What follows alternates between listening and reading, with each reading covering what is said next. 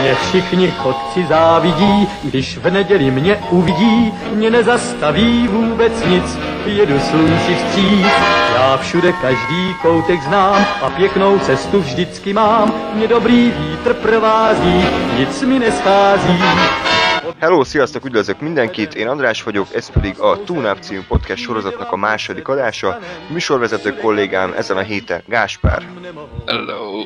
Na, többiek mai napon nem tudtak ráérni, ezért úgy gondoltuk, hogy egy olyan témát választunk, amihoz leginkább mi ketten tudunk hozzászólni, ez pedig a Marvel filmek, egész pontosan a 2008-as Vasember 1-től egészen az idei Vasember 3-ig bezárólagos ilyen Avengers, hogy is mondjam ezt, sorozat. Összesen ö, 7 filmet számoltunk össze, ami körülbelül ugyanahhoz a timelinehoz, vagy ilyen történethez csatlakozik és felvezette gyakorlatilag az Avengersnek az első részét, ami 2012-ben jelent meg.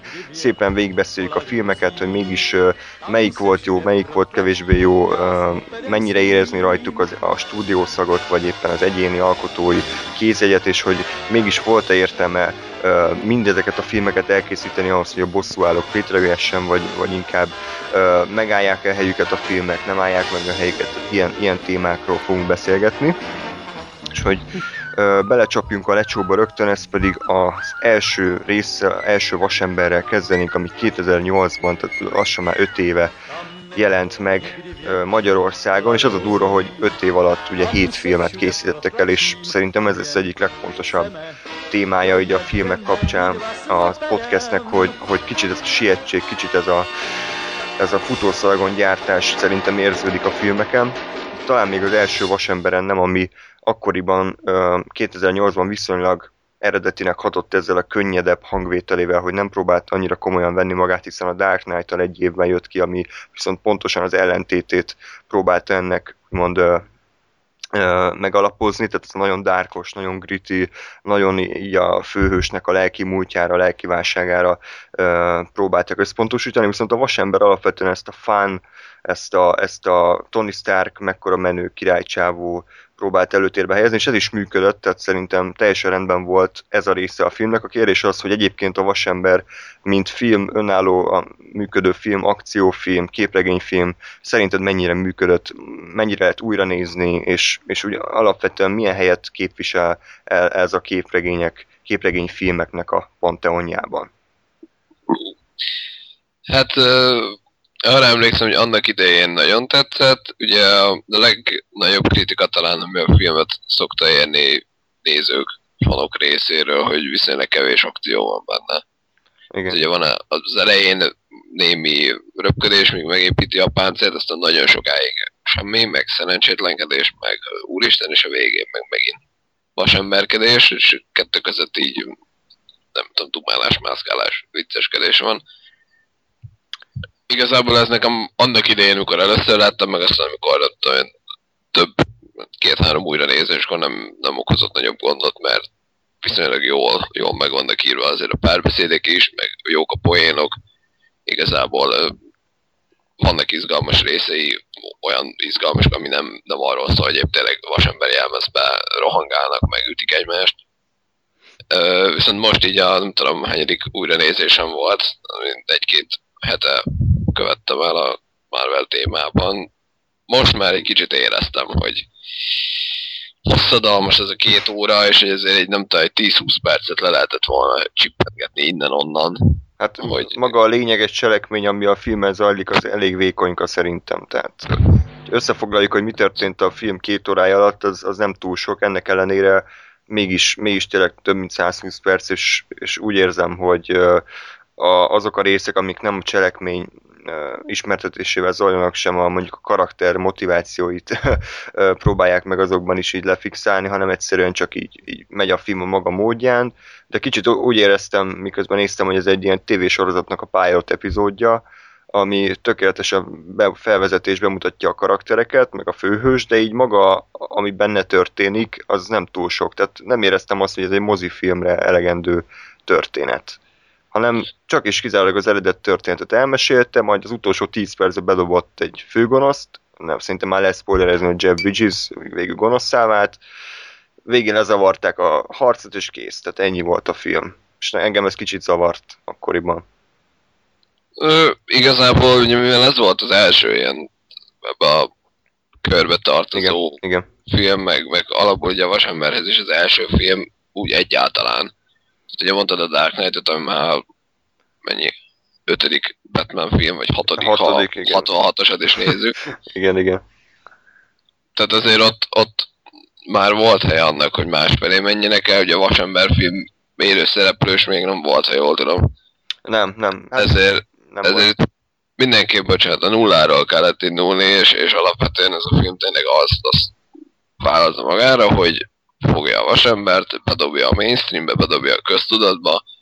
Egyrészt, másrészt ugye elindul talán az Avengers felé, és ö, szerintem ilyen szempontból ennél, jó, le, nyilván mindig lehet jobb történetet írni, meg, meg jobban meg lehet csinálni dolgokat, de szerintem ezt, a, amit vállalt, azt teljesítette. Tehát megismerted a karaktert, megismerted a, a, a Tony Starkot, a vasembert, a mellékszereplőket, volt egy gonosz is, aki azért szerintem nem volt annyira rossz, Mhm. meg mondjuk ugye akkor még szerintem ütős volt ez, hogy most egy másik ö, ilyen vasember páncélban egy nagyobb a gonoszba verekednek, aztán így már, hogy három filmen keresztül gyakorlatilag mindegyikben van egy ilyen, ez már egy kicsit Igen.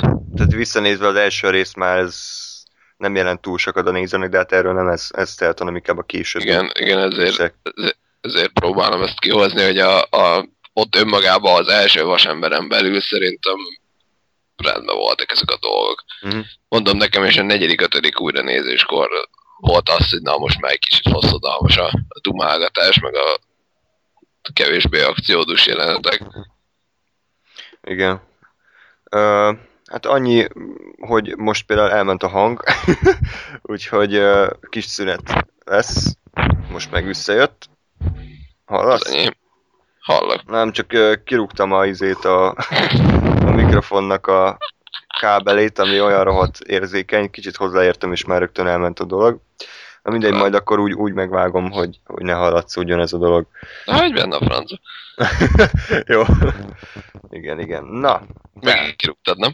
Ö, nem. Csak most helyezkedek, mert most meg a laptopon fog felforni pillanat úgyhogy mi, micsoda problémáim vannak nekem. Na, most. Sikerült. Így van.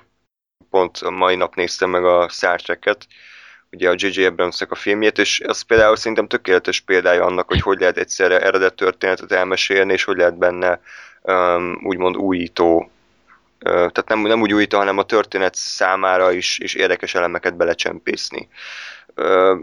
Lehet, hogy, hogy megint hülyeséget mondok, de szerintem abban a filmben rengeteg mindent le kellett alapozni, ugye a világot, a karaktereket, a, az egész közeget, ahol játszódik, és mégis, hogyha visszagondolok a filmre, akkor, akkor a történet is beugrik, nem csak az, hogy űrhajók lövöldöztek egymásra, míg a vasemberben, tényleg, ami így, visszagondolok rá, és az ugrik be, hogy Robert Downey Jr. megy a sivatagba, meg épít egy, egy Iron Man-t, aztán megint épít egyet, és a végén harcol a Jeff Bridges-el. Tehát ennyi, és, és, és ez az, ami, ami zavar, hogy, hogy, öm, hogy egy csomó, főleg a későbbi Avengers filmek nem igazán nem igazán éreztem azt, hogy így felvezettek volna bármit is, azon kívül, hogy persze alapoztak a, a, az Avengers-re. Én Trek-kel megint nem, csak nem, ezért. nem volt olyan erős önálló történetük, ami miatt azt mondhatnám, hogy megérte ezeket a filmeket elkészíteni. Star Trek összehasonlítást megint csak azért nem tartom szerencsésnek, mert a Star trek is ez a helyzet, hogy, hogy, hogy ott is van már egy alap, ami, ami filmes alap, meg tévésorozatos alap, ráadásul elég komoly. Tehát oké, okay, hogy ugye, ugye gyakorlatilag a nulláról indulhattak a... Na jó, két gondolatom nem függ össze, elnézést. Semmi. Tehát ugye a Star, a Star Trek, a 2009-es Abrams féle Star Treknél igazából szerintem sokkal kevesebb kötöttségük volt, mint, mint egy Vasember film elkészülésénél. Tehát egy Star Trek, ugye original series-re épülő új filmet akartak csinálni, akkor gyakorlatilag annyit kell, annyi volt szerintem a megkötés, hogy legyen meg tényleg a, az a, legyen Enterprise, legyen Spock, legyen körkapitány, az a X darab ö, ikonikus ember, aki ott van a, az Enterprise fedélzetén, és igazából ennyi a megkötés, mert hogy aztán mondjuk szembevelők romulánokat tesznek, vagy klingonokat, vagy akármi, vagy porgot, vagy mit, az tök mindegy, ott is 76 millió dologból lehet választani, vagy hogy mennyire lesz akció, mennyire nem lesz akció. Még ezzel szemben mondjuk egy vasembernél egy, egy ilyen, szerintem jóval kötöttebb az, hogy most ugye kell lennie Tony Starknak, belőle vasembert kell csinálni valahogy, és, és sokkal, sokkal kevésbé lehet szabadon garázdálkodni ugye a saját univerzumán belül, mert, mert hogy mondjuk kellenek, vagy kell valamiféle főgonosz, mondjuk ez már a kettőre meg a háromra is, is él, ugye, hogy, hogy igazából egy képregényfilmnél nem hiszem, hogy nagyon célszerű új főgonosz kitalálni, mert ez így nem igazán működik. Igen. Tehát ha, ha egy semmivel előhúzott. Persze. Ja, akkor, gonosz. tehát inkább amire, amit el akartam mondani, hogy hogy, hogy a Vasember, tehát nem hiszem, hogy sokkal több dolguk volt a Vasember filmnek megalapozni, mint, mint például Star Treknél, viszont a Star Treknél úgy érzem, hogy, a, hogy ezeknek a vázlatpontoknak, a kipipálandó vázlatpontok közötti űr az valahogy jobban ki van töltve történettel, míg a Vasembernél tényleg azt éreztem, hogy megvannak ezek a kötelezően ö, bemutatandó elemek, mint a karakterek, meg hogy ki ő, mit csinál, de az, azok között nincs semmi, ami ezeket igazából összekötné, hanem ezek, ezek így lógnak a levegőben, és, és elvárják a nézőtől, hogy ez ebből egy történetet kreáljon. Tehát nekem igazából e, ez a problémám, hogy, hogy oké, okay, én értem, hogy ezek, hogy ezek kötöttebb, viszont, viszont nem hiszem el, hogy nem tudtak volna olyan történetet hozzáírni, ami, ami, ami kevésbé, tehát, vagy, tehát olyan történetet hozzáírni, ami meggyalázta volna mondjuk az eredeti az eredet történetét a vasembernek. De tehát most így ugyanazokat a köröket futjuk, futjuk le. Én nem mondom azt, hogy a vasember egy rossz film lenne, csak én kicsit túlzónak érzem ezt a hatalmas nagy körülrajongást, ami, ami, ami ezt a filmet övezte. Úgyhogy... Én, én is azt mondom igazából, bármilyen is ez jön le, hogy, hogy hű de úristen mennyire jó az a film, én azt mondom, hogy szerintem az egy szórakoztató film, nekem annó tetszett, újra nézésekor tetszett, van egy egyedi, szerintem egy egyedi hangulat, a stílusa, szórakoztató, nyilván lehetett volna jobb is, ez lett belőle, Persze. én igazából el vagyok. Mondom, szerintem azt a, a feladatot, amit magára vállalt, meg amit el kellett végezni, tehát tényleg, hogy elindítani ezt az egészet, egyrészt a vasembert, másrészt az egész Marvel összefüggő képregény film univerzumot, azt szerintem teljesítette, és ilyen szempontból meg működik a Igen. dolog. Hát ami, ami érdekes egyébként szerintem, hogy a filmben, tehát legalábbis amikor néztük 2008-ban, és meg, megjelent, megjelent az a stábista utáni jelenet, amikor ugye a Samuel L. Jackson beszambázott oda a, a jelenetbe, gyakorlatilag még nem esett le senkinek, hogy ebből Avengers lesz. Legalábbis nem volt olyan egyértelmű, hanem csak az volt egyértelmű, hogy jaj, milyen jó, hogy itt a Nick Fury, de ez még nem jelentette azt, hogy akkor öt éven belül bemutatják az összes Avengers karaktert, hanem ez még csak így megszerőztette azt, hogy itt valami készül. És ez így tök vicces így visszagondolni, hogy még, még ez mennyire ilyen kevésbé megfogható utalása a jövendő, a jövendő eseményekre, addig például egy Thor-nak a filmnek a, a fele gyakorlatilag az Avengers-re alapoz. És, és ez, így, ez így tök érdekes így visszanézni, hogy tehát szerintem amúgy a Nick Fury megjelenésén kívül a Vasemberben nem igazán vetítették előre az Avengers beli eseményeket. Igen, hát nyilván ez azért volt, amit mondasz pont, hogy amikor ugye megcsináltak a Vasembert 2008-ra, akkor még nem feltétlenül voltak biztosak abban, hogy egyáltalán lesz ebből valami, meg hogy ezzel be tudnak futni. Még mondjuk ugye a Thor 2011-es, Igen. tehát egyik egy évvel az Avengers előtti, ott már gondolom biztos volt, hogy na akkor csinálunk egy Avengers, mert befutott a Vasember, mint az állat. Befutott a nem tudom hányos a Vasember 2. Az 2010. 2010, tehát befutott a Vasember 2, viszonylag épp készül a Captain America, akkor már csak csinálunk egy Avengers-t is, úgyhogy... Ja, ja, ja, ja. Úgyhogy ezért is. Egyébként, egyébként szerintem ez a film abszolút megállja helyét így önmagában nézve is, tehát viszonylag lezárt történet, mondjuk a vége az elég ütős, tehát szerintem, hogyha a filmnek a legjobb része egyértelműen a vége, az az utolsó mondat, én vagyok vasember, az szerintem teli találat, Ö, és Nem volt rendesen rávágva a Black Sabbath, az úgy lett, az úgy lett volna teli egyébként, ja, egyébként, ja. Azt, azt elrontotta a John Favreau sajnos. Egy, egy, egy.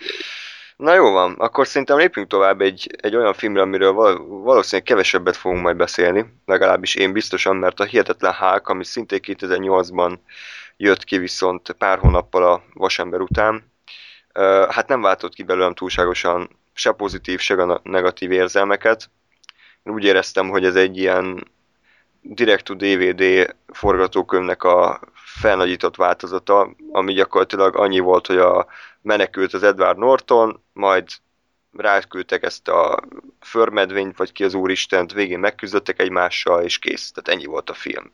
És hogyha a Vasembernél zavarta a vékonyka cselekmény, akkor itt abszolút még jobban zavart, hiszen ez, ez gyakorlatilag a folytatása kéne, hogy legyen a 2003-as háknak. Viszont, Félig, hogy félig meddig. Hát félig meddig ugye teljesen új az alkotógárda, tehát nem úgy kezdődik, hogy, hogy az eredet történet, hanem itt már, itt már ténylegesen ő a hák. És én, én szerintem, hogyha választanom kéne, hogy melyik a legkevésbé kedvelt filmem így, a, így az Avengers antológiából, akkor egyértelműen ezt választanám, mert nekem olyan szinten sótlan ez a film. Miközben nézi az ember egyébként nem tűnik ez se rosszak, mert jó meg van csinálva, meg akció, meg hák, meg, meg üldözés, meg minden, de így visszagondolva annyira semmilyen film volt ez, tehát inkább, inkább akkor már választanám a 2003-asot, mert még hogyha az néhány jelentben gagyi is volt, meg, meg az is rohadtul el volt nyújtva, de ott legalább voltak egyéni ötletek, a, a, ezek a képváltások, meg a képregényszerű megjelenítés, meg volt egy-két jó kis, tényleg kreatív akció, de ez a film, ez nem tudom, ez, ez nekem nagyon, nagyon gyenge volt. Uh, nem tudom, te, te mennyire emlékszel rá?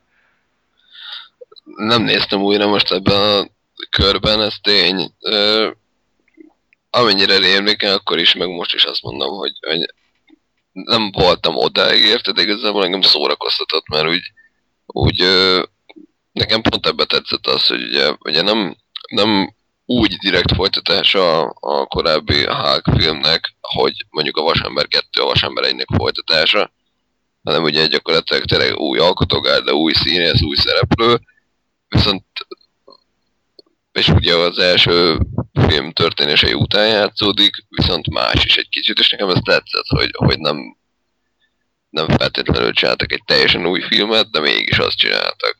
Hát konkrétan, ami most így eszembe jutott, ez a nyitó, nyitó montázs, ami tényleg így összevágva Igen, elmeséli, nem tudom, két-három percben azt, hogy sőt nem is elmesél, csak megmutatja, mert azt nincs a narráció, tehát csak zene van, meg, meg mi ilyesmi hogy, hogy hogyan lett a Bruce Bannerbe a Hulk, aztán hogyan zúzta szét New Yorkot, hogyan menekült el, mit tudom én, és ugye onnan indul már, hogy valahol Dél-Amerikába pulykál Edward Nortonként, és X, X napja nem változott át Hulk, és nekem ez, ez, ez bejött, ez tetszett, hogy így, így oldják meg. Persze, hát van, vannak a filmnek jó húzásai egyébként, tehát egyik ilyen Avengers filmre sem mondanám azt, hogy vállalhatatlan, csak így mondja, közé, a középszerűségben ez, ez a film igencsak számomra így, így nagy hangsúlyt kapott, vagy Igen. túlságosan is felejthetőre sikeredett, és úgy tűnik, hogy a Hulkból nem tudnak önállóan egész egyszerűen jó filmet csinálni, mert a figura az valahogy nem, nem elég erős, nem szó szerint értem persze,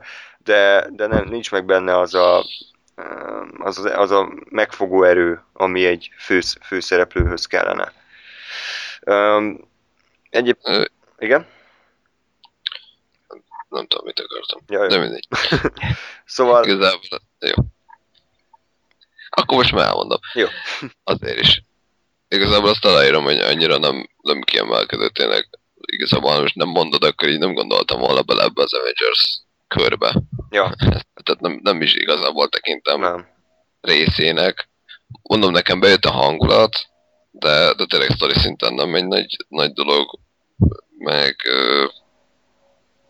ja igen, a karaktert mondtad, hogy ugye nem annyira nyerő a, a Hulk karakter, hogy rendes filmet tudjanak csinálni, ezt mondjuk nem feltétlenül a karakter számlájá, számlájára írnám, bár mondjuk tény, hogy nem kimondottan kedvelem, mert nem, Hm. Hát lehet, hogy ott tényleg rosszul nyúltak hozzá. Nem, de igen, azért inkább, inkább a, a filmiparnak tudnám ezt be, tehát hogy tényleg három filmben szerepelt, ugye a Hágban, az Incredible Hágban, az avengers volt Hág, mind a háromban más ember játszotta, a véget más rendezte, más, más alkotógárdával, tehát így nem, nem igazán sikerült még így valakire ráhúzni, tehát most majd talán és most sikerült. Hát igen, a Mark Ruffalo az azért mindenképpen Rá, szerintem jobb választás, mint az Edward Norton vagy az Eric Bana. Ők sem voltak egyébként rosszak, de ha már választani kéne, hogy ki, ki, kiért tudtam leginkább szurkolni, akkor az Mark Ruffalo. De hát lehet, hogy ez nem csak az ő érdeme, hanem a, a szövegeiért, amiket kapott.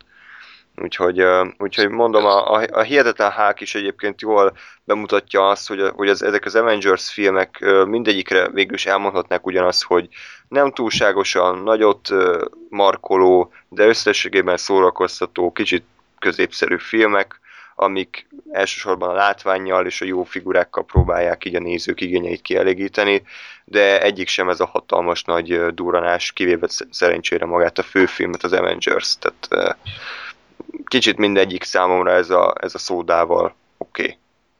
Szórakoztató cuccok, ezt én, én, még egy utolsó gondolatként én mondjuk Edward Nortonnak örültem volna, tehát nekem, nekem ő mm. ez nagyon bejött. Igen, mint, valami egyébként... Mint Banner és mint Hulk. Nem tudom pontosan, nem biztos, hogy ez így volt, de valami, valami gáz volt a forgatáson vele, tehát ott nagyon át akarta venni az uralmat, meg forgatókönyvbe is beleírkált, meg nagyon azt akarta, hogy ő legyen így a, tehát ővé legyen az utolsó szó, és ez nem igazán tetszett a, a Marvel fejeseinek, ezért azt hiszem valamilyen miatt penderítették ki végül a, az Avengers-ből, hogy túl nehéz volt vele együtt dolgozni, úgyhogy hát sajnálom egyébként, mert legalább valamiféle konzisztenciát tartottak volna legalább ennyi rész alatt, mert egy kicsit tényleg így zavaró, hogy megint egy új űrge van, így nem tudom hány éven belül hák, legalábbis Bruce Banner szerepében. És ami, ami eszembe jut ilyen példaként, hogy a, hogy a Harry Potter filmek gyakorlatilag 8 rész alatt az alkotógárdának a nem tudom, 99%-a ugyanaz maradt. Tehát valahogy ott meg tudták oldani, hogy visszahívják ugyanazokat a színészeket. Itt meg 5 év alatt nem tudták megoldani, hogy, hogy egy csávó maradjon, szóval... Azért az, az más kategória szerintem a Harry Potter ilyen szempontból is, tehát hát. azért ugye effektív előre lehetett tudni, hogy mi lesz a filmekben, meg előre lehetett tudni, hogy ez ha nem tudom, két és fél órán keresztül azt mutogatják, hogy nem tudom, fekete-fehérbe kis cicák rohangálnak egy, nem tudom, kihalóban lévő, vagy mi az ilyen kiszáradt mezőn, akkor is elmennek az emberek már Harry Potter, tehát Hát ja, ja, ja, csak így a, tehát a stúdió helyébe képzelve magamat. A, ugye úgy is volt az ötödik résznél a, a főszereplő hármas, az így kilép, tehát már nem tudom, úgy érezték, hogy elég lesz, de aztán mégis meggyőzték őket egy zsíros csekkel, úgyhogy csak mondom, hogy, hogy, hogy kicsit így vicces a kettőt egymás mellé helyezni, de, de abban igazad van, hogy, hogy a Harry Potternél azért ott jóval kötöttebb volt ilyen szempontból a jövőjük, tudták előre, hogy, hogy mire vállalkoznak. Na, jöjjön a szívem csücske, a Vasember 2. Úgy tűnik, hogy most én leszek ebben az adásban, ez a kicsit ez a lehúzóbb erőt, meg aki próbál menteni a menthetőt.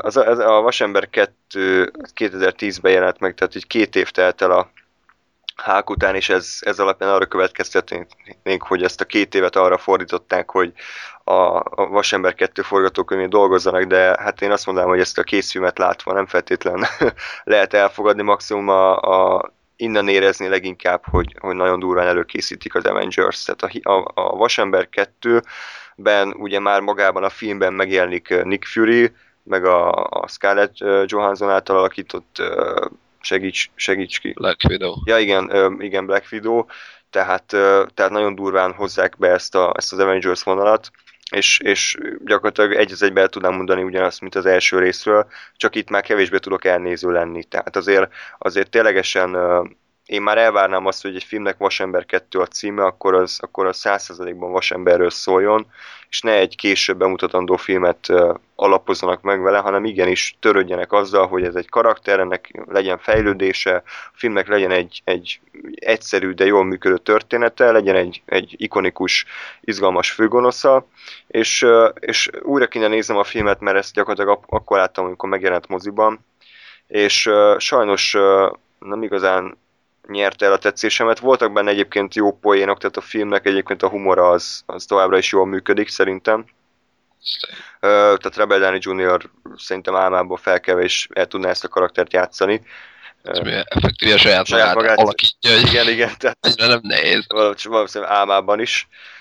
Úgyhogy, úgyhogy ő, ő az, aki, aki ezt a filmet továbbra is nagyon, nagyon jóvá teszi, legalábbis a élvezhetőség szempontjából, viszont, viszont nekem már nagyon, nagyon ilyen sótlan volt az egész, ami őt körülvette. Tehát ez a, ez a John Favreau-nak a rendezési stílusa, ami, ami számomra olyan szinten jellegtelen, és annyira nem tudta feldobni az amúgy szerintem igen gyenge silány forgatókönyvet, hogy, hogy ténylegesen azt kell mondjam, hogy a Vasember 2 az, az ilyen hihetetlen hák szint nálam így a, az Avengers filmekben, talán annál egy fokkal jobb, de erre se tudnám azt mondani, hogy, hogy önállóan megállja a helyét, mint Vasember 2 film, hanem ez, a, hanem ez csak is úgy működik, hogyha berakjuk szépen ebbe a sorba, amik, amiken most végighaladunk, hiszen ebben a szempontból tökéletesen beleélik ebbe az alapozásba, viszont önmagában nézve, hát igen-igen kevés. Mind látvány szempontjából nincs benne nagy zúzda, a végén van egy akció jelent, de az, az se egy nagy dolog szerintem. Öm, a főgonosz az totál jellegtelen, semmit nem csinál az egész film alatt, csak ül, meg, meg orosz akcentussal nagyon keményeket mond. A karakter pedig, hát nem tudom, ezt az alkoholizmus szállat, erre nem emlékszem, mennyire hozták be, úgy emlékszem, hogy ebben a filmben valamennyire előtérbe helyezték, de hát azért ez se volt túlzásba véve, szerintem. Na, ezt viszont újra néztem. Na jó, akkor te igazából az- emlékszel. Igen, én is uh, talán ezt tartom a leggyengébbnek, sőt, ezt tartom a leggyengébbnek a, Hm. az Avengers felvezető filmek közül. Bár igazából szerintem még csak a forgatókönyvvel voltak Igen, gondok, igen.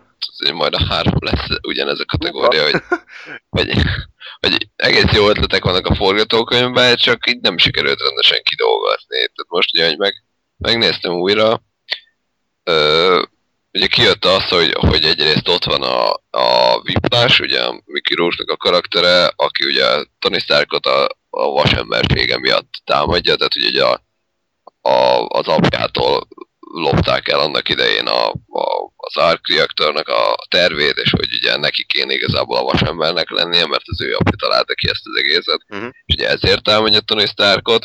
A másik oldalon meg ott van a, a Justin Hammer, a Sam Rockwell által alakított kicsit ripacs iparmágnás, aki ugye meg Tony Starkot támadja, mert hogy szerinte a, mert hogy ő akarja ugye az amerikai kormányt fegyverekkel ellátni, és hogy a vasember á, mi az páncél, ugye önmagában gyakorlatilag a, az egész Hammer céget fenyegeti. Igen, igen, igen, igen. És, és szerintem ez a, ez a kettős megközelítés, ez, ez nekem tetszik, mint ötlet. Tehát, hogy ez, ez, Ötletként és abszolút. ugye ők, ők ugye aztán összefognak, aztán ugye a Whiplash átveri a, a Hammert, és akkor mindenki rosszul jár a végén. Tehát szerintem ez, ez egy tök jó ötlet, csak valahogy nem volt annyira jól szintén megvalósítva, hogy, hogy ez így nagyon, nagyon izgalmas, meg nagyon Hát értékelhető legyen. Nem igazán. Sőt, tehát, hogy megint, megint csak az emlékeimre tudok hajatkozni, nem igazán maradt meg sok a filmből. Te, te nyilván nemrég láttad, és emiatt jobban emlékszel rá, de, de tudsz mondani olyan jelenetet ami a filmből, ami kifejezetten kiemelkedő, és azt mondod, hogy na ez igen, ezt nagyon odarakták, vagy hú, ez meglepett, vagy, vagy bármi, tehát azon kívül, hogy tényleg a Rebel Downey Jr. ott jó szövegeket mond. Hát egy nagyon, nagyon hűha jelenet nem, nem volt igazából. Hm? Nem, Tehát, a film, film végi, egy viszonylag végi, ugye erre a csata jelenetre emlékszem, igen, igen, akkor ott ketten zúznak, de, de az se volt annyira, annyira Nem. hűha. egyáltalán. Ugye itt, itt már előjött, hogy a végén a, a Whiplash is ugye gyártott magának egy ilyen cucc, mi ez? Páncélt, ugye ez már egy kicsit, kicsit megint az ötlettelenség volt, hogy, hogy ott lett volna a, a Whiplashnek ugye ezek a ostorok, amik aztán én hány csillió volt a rázza az embereket, és ugye ehhez azért így adtak rá egy ilyen vasember rucit, közben még ugye ott van a War Machine is, aki, aki még egy páncél, és még kicsit tumultus van, tehát Ja, bocsánat, most jut eszembe, hogy, a, hogy nem csak az Edward Norton cserélték rá a filmek alatt, hanem a Rodney, vagy hogy hívják? A Ródi. Rodi. Tehát azért, azért ez már 2-0, tehát nem, nem, ott is a színész azt hiszem túl sokat kért az első Terence Howard, és akkor lett a Don Cheadle. Nem nagyon éreztem a kettő között lévő nagy barátságot a film alatt, tehát így, így, Igen, így az... gyakorlatilag két színész volt, akik így elmondták a szöveget egymásnak, de nem nagyon, tehát csak a harmadik részben éreztem azt, hogy ők ténylegesen jó haverok lehetnek. De mindegy, hát ez is nyilván a forgatókönyvnek a gyengébbik részéhez tartozik. Így van. A... Ja, az amikként, bocsánat, ami alkoholizmust mondtál, ez ugye az a ez se volt egy rossz ötlet, ugye a, a, azért jött elő ez az egész, mert a mágasában lévő reaktor elkezdte megmérgezni a, a vérét, uh-huh. és ugye gyakorlatilag haldokolott, haldokolott, mindegy, Tony Stark, nem tudok beszélni részletesen. Semmi gond.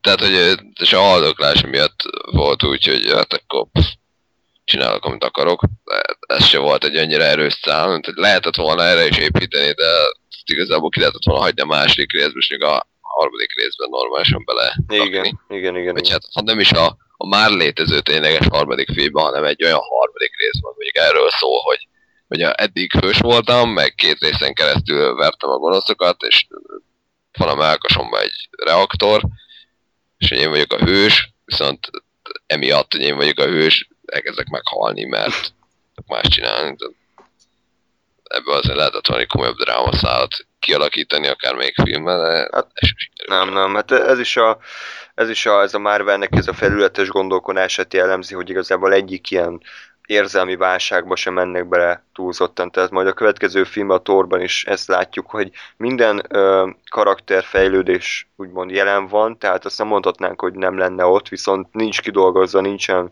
kellően, tehát nem, nem mennek rá kellően a filmben, hanem csak így jelzik, hogy igen, ez itt van, de, de jobban érdekli őket a, a, a külsőségek, mint a belső motivációknak a, a kidolgozása is. És szerintem ez a vasemberre is igaz, a, a Tóra is igaz, a kapi, Amerika kapitányra is igaz, hogy így, hogy minden ilyen jelzésértékűen van csak jelen a történetben, és, és inkább ezekre a külsőségekre próbálnak nagyobb hangsúlyt fektetni a filmek alatt. Erre, erre azt mondom, hogy egyébként igazad van, viszont picit védve a Marvelt, azért, azért meg a filmeket, ugye ezek alapvetően mainstream szórakoztató filmek, blockbusterek, tehát igazából most oké, okay, hogy mi nagyon értünk a filmekhez, és mi mondjuk szeretjük azt látni, hogyha jó meg van írva valami, és mondjuk komolyabb személyes drámák vannak, de, de igazából szerintem ez kicsit csak a mi számunkra negatívum, hogy ugye nincs, nincs annyira kidolgozva a, a, az egyes karaktereknek a, a drámája, meg a motivációi, tehát ha, ha egy, egy átlag nézőt veszünk, bocsánat, tehát ha egy átlag nézőt veszünk, aki, aki most tényleg nyár közepén bemegy a moziba egy adag popcornnal, meg egy kólával, és megnéz egy olyan filmet, amiben látványos, meg szúznak, számára szerintem teljesen elég az, hogy, hogy egyszerűen elmondják, hogy tudom én, most én jobb fejlettem, és meg akarom védeni az emberiséget, és akkor ez el van, hogy jó. Hmm.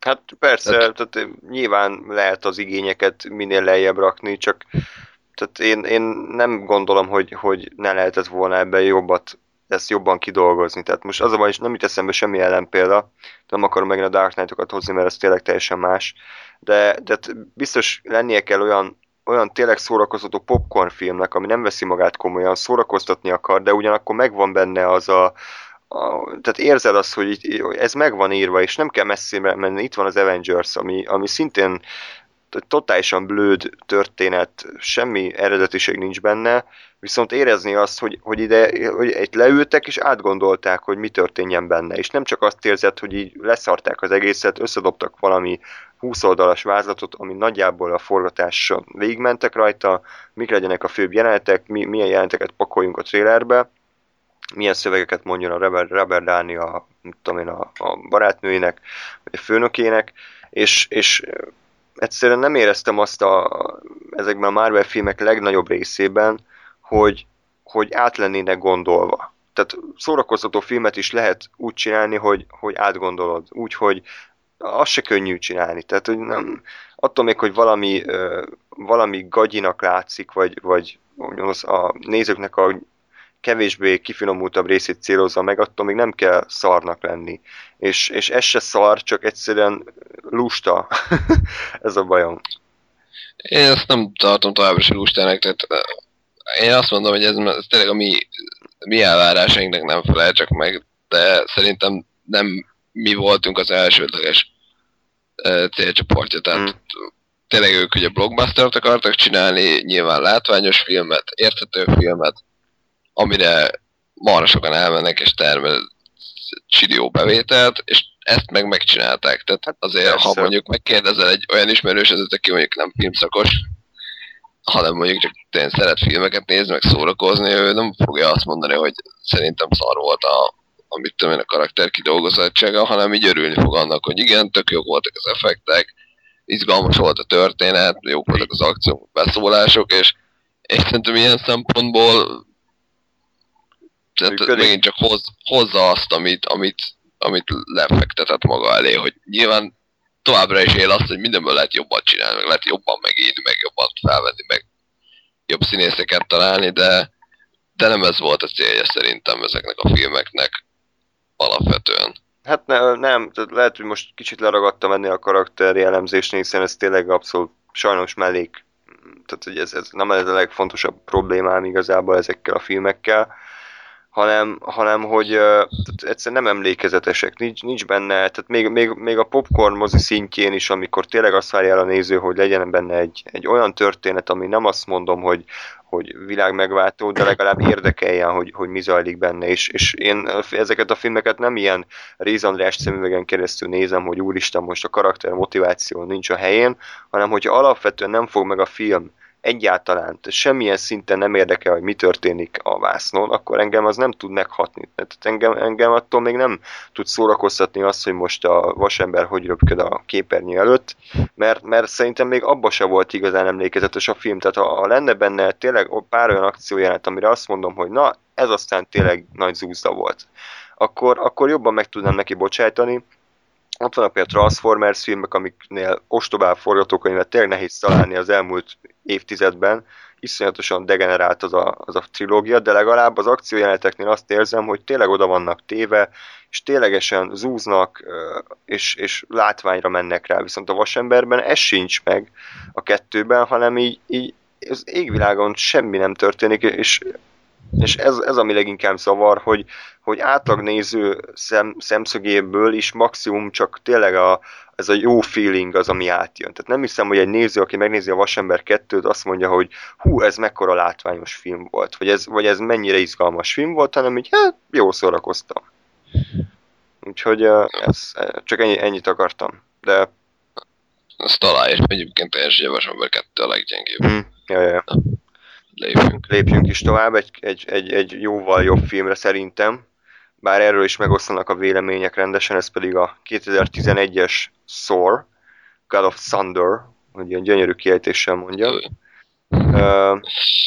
Ez a téma volt szerintem az eddigi Marvel filmek közül az egyik legneccesebb, vagy a legneccesebb, ami, amit így a nagy közönség számára elő lehet adni, hiszen, hiszen a, a piros köpenyben és kiskalapáccsal rohangáló Isten, ami, a, akit a lila szivárványos Asgardból száműztek, és két nap alatt emberé változik, majd visszarepül, majd mit tudom, mi az jó Isten csinál. Tehát ez azért, ez ilyen, ez ilyen Power Rangers színvonal így, így elmesélve, szerint. Hát azért hozzátenném azt, hogy láttunk már egy ilyen jó embert, aki közelisteni hatalommal volt, piros köpenye volt, kékszeles ruhában kívülre rakott alsónadrággal, és a mellére rajzolt esbetűvel repkedett. Így van. És marhára senki nem gondolta, hogy ez mennyire gál. Hát... Uh... Ehhez képest, ehhez képest azért a Thor eléggé... Jó, csak... Picit, picit vállalhatóbb karakter. Jó, nyilván tehát e, a Supermanről van ugye szó, tehát ő, ő amikor 78-ban berepült a nagyvásznakra, akkoriban még azért nem volt ez a nagyon dárkos hozzáállás mindenhez. Ugye ma, ma a divat ez, hogy akkor jó egy film, hogyha dárkos, vagy nagyon ilyen, hú, mindenki ilyen nagyon uh, alsó, vagy ilyen mély hangon beszél, és akkor úristen, milyen szar minden, meg sötét az egész film, nem látni belőle semmit. És azért mondom, hogy ez a mai ilyen filmfelfogáshoz képest uh, képest fura ez a tor, ami ennyire ilyen, ilyen light-hearted, hogy mondják ezt magyarul. Tehát, hogy ennyire ilyen könnyeden veszi, könnyedre veszi a magát, vagy ennyire idézőben blőd a története, és, és ezért féltem ettől a filmtől, hogy, hogy nem menjen át ilyen nagyon ilyen vacak cheesybe az egész. És, és, és talán ez a legnagyobb pozitív a filmnek egyébként, amellett, hogy ténylegesen nagyon rendben van az egész, hogy, hogy, hogy ezt a történetet abszolút korrekt és élvezhető formában tudták adaptálni, minden a helyén van, van benne látvány, van benne uh, akció, karakterfejlődés a maga kis naív módján, és, és, és éreztem is azt, hogy, hogy ennek a filmnek igenis van egy egyéni látásmódja, és, és, és azt éreztem, hogy végre kicsit eltávolodtunk ettől a, ettől a vasemberes jópofizástól, meg a hihetetlen háktól, és, és kicsit más vizekre elvesztünk, és nekem ez olyan jó felüdülés volt ez, a, ez az Asgardos történet, meg hogy így a, ez az Isten átkerül a mi világunkba, tök jó poénok születtek belőle. Ez, ez az egyik kedvenc, sőt talán a kedvenc filmem a, az Avengers-et leszámítva ebből a, ebből a sorozatból. Neked, neked hogy tetszett a Thor? Ö, abszolút, abszolút én is ezt tartom a leginkább. Hát nem is tudom. Igazából ugye ilyen művészebb szempontból mindenképp ezt tartom a, a legjobbnak, mert ugye tényleg Asgardnak az egész a látványvilág az, az gyönyörű és zseniálisan van megcsinálva, tehát a, a design meg az egész, egész tényleg úgy, úgy eladni egy ilyen skandináv mitológiára épülő fentjöketek fantasy világot, hogy az, az egyedinek harcson, és, és egyszer legyen mai és, és ilyen klasszik fantasy. Hát ezt szerintem zseniálisan uh, sikerült nekik összehozni.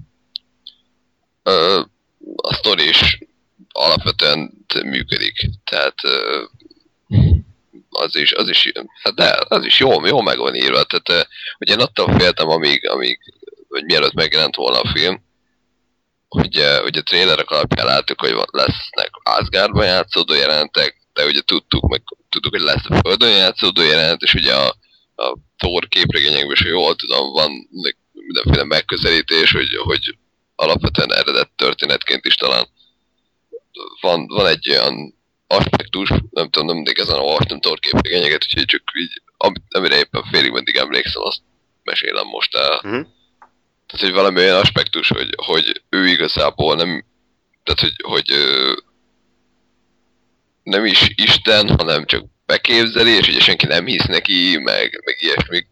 Oh. De mindegy, szóval, szóval ennek gondoltak igazából nem volt, nem volt csak értelme. Nem, tehát hogy annyi, hogy ő, hogy ő valójában lehet, hogy nem is Isten, vagy nem az, hogy nem, nem is ment, de tehát hogy ez meg van szellőztetve, hogy mi van, hogyha ő csak egy őrült, aki Istennek hiszi magát. Valami ilyesmi. Igazából, amit, amit én olvastam Thorra kapcsolatban, az ugye az Ultimate, Ultimate-ben volt, abban volt egy ilyen, csak egy villanásnyira, hogy ott, ott éppen, nem tudom, azt mondja, Svédországban ilyen, ilyen uh, kb. Greenpeace-es figura volt. Mm. Tehát, hogy így men, mentek oda, be akarták toborozni, és mondta, hogy hagyjatok már békén, menjetek a fenébe, és akkor aztán kellett volna az akcióba, egy ideig nem volt ott, nem volt ott, nem volt ott, és akkor megjelent, akkor mondták, hogy a, az elnök éppen megduplázta a nemzetközi segélyekre fordított pénzt, és hogy ezért jelent meg, egy nagy, nagy pacifista volt. Oh. Illetve hát egy ilyen lokis sztori szál volt, ami, amikor láttuk, mint, vagy hát amikor, amikor próbálta velünk is, meg ugye vele is elhitetni a, a képregény, hogy ő igazából egy elmebeteg, és csak beképzeli ezt az egészet, hogy ő, ő Isten Szóval így, így amit én olvastam, abban erről komoly sztori nem volt, de, de azért mindenképp ott volt, hogy ott, ott motaszkált bennem is, hogy, hogy, hogy tényleg hogyan fogják a, a földi szállat, meg az Asgardi szállat összehozni, meg hogy akkor most itt is játszódik, ott is játszódik. Ugye mászkálni fog -e a két világ között, vagy hogy lesz. És uh, alapvetően szerintem ez nagyon jól sikerült összehozni, igen, hogy, igen, igen. hogy...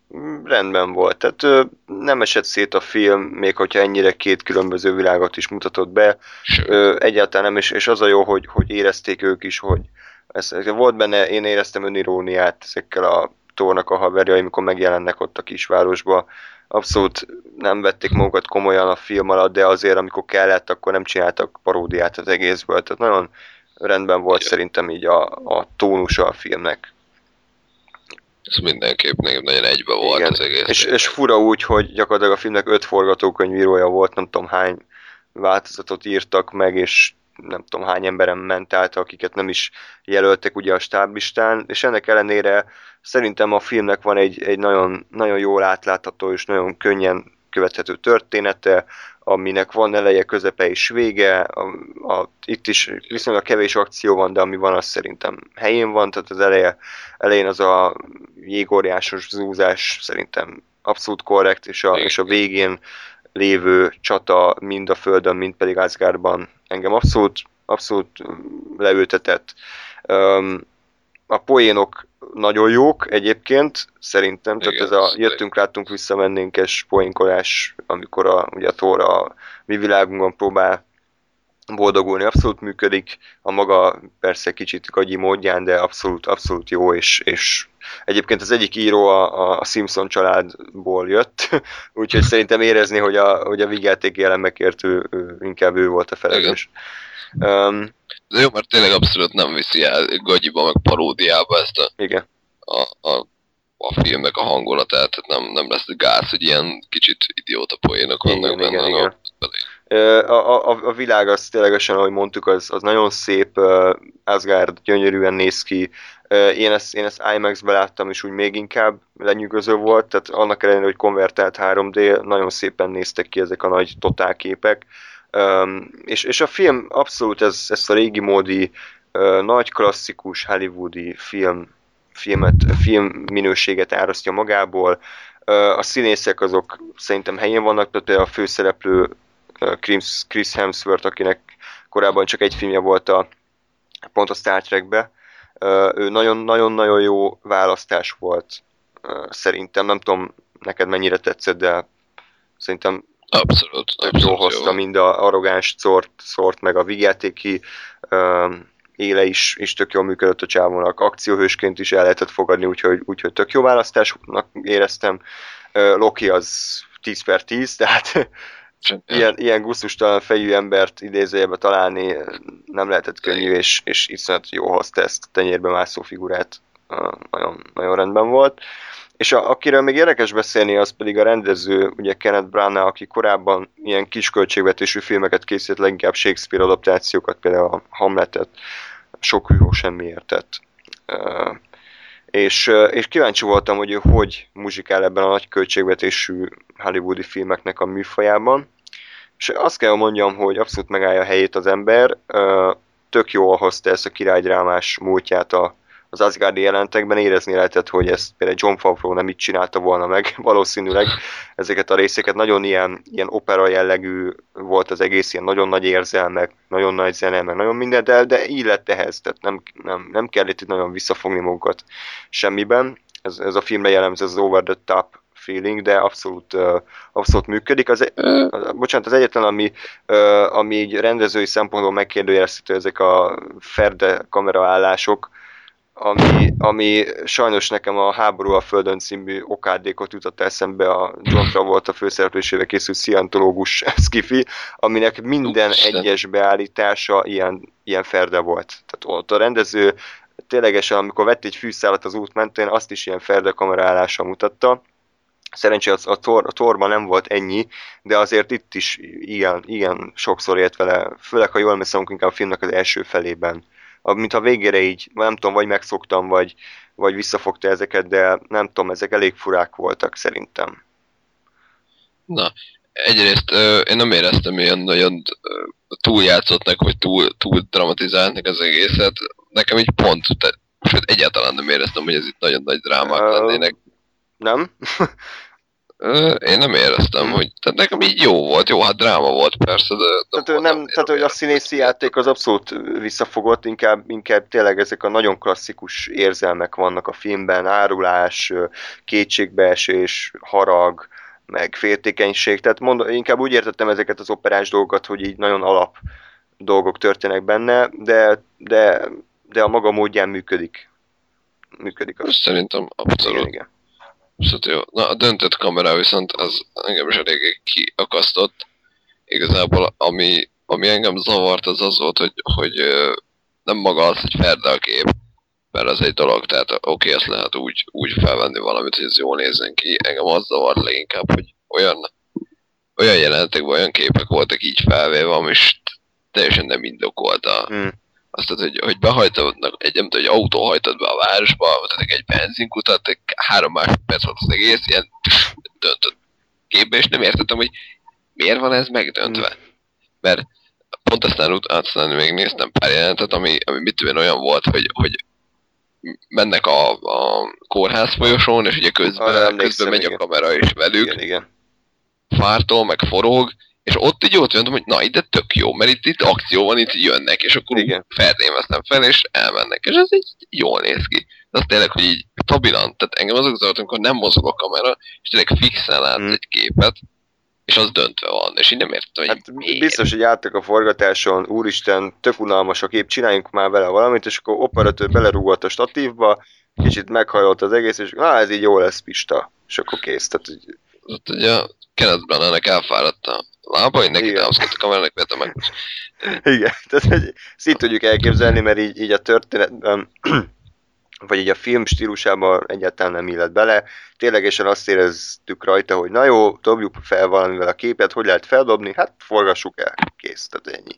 De egyébként ez se zavaró, tehát ez is szerintem olyan, ami átlagembernek nem tűnik fel igazából. Maximum furcsa, hogy miért néz ki így ez a kép, de, de hogyha nagyon rákoncentrál az ember, akkor bizony zavaró lehet egy ideig.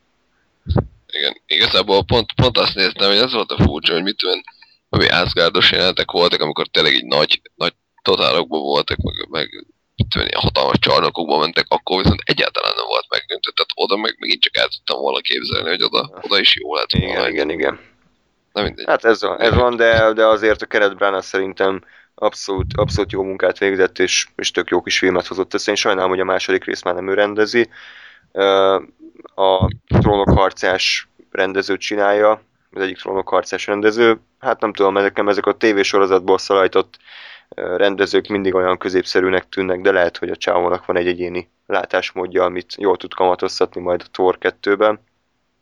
Hát azt hiszem, hogy azért a trónokharc is ez a, ez a kategória nagyjából, tehát egy ilyen nagy, nagy drámás Igen, csak, csak ott, ott tényleg vannak olyan jelentek, amik, amikken érezni, hogy ez sokkal hatásosabb lenne, hogyha valaki olyan vezényelnél, aki így ért a hatáskeltéshez, mert egy csomó jelent valami úgy van felvéve, mint egy barátok köz, közben hatalmas dolgok történnek benne, vagy hát így, így a történet szempontjából. De mindegy, most nem a, ne a trónok harcáról beszéljünk, Ö, Jó.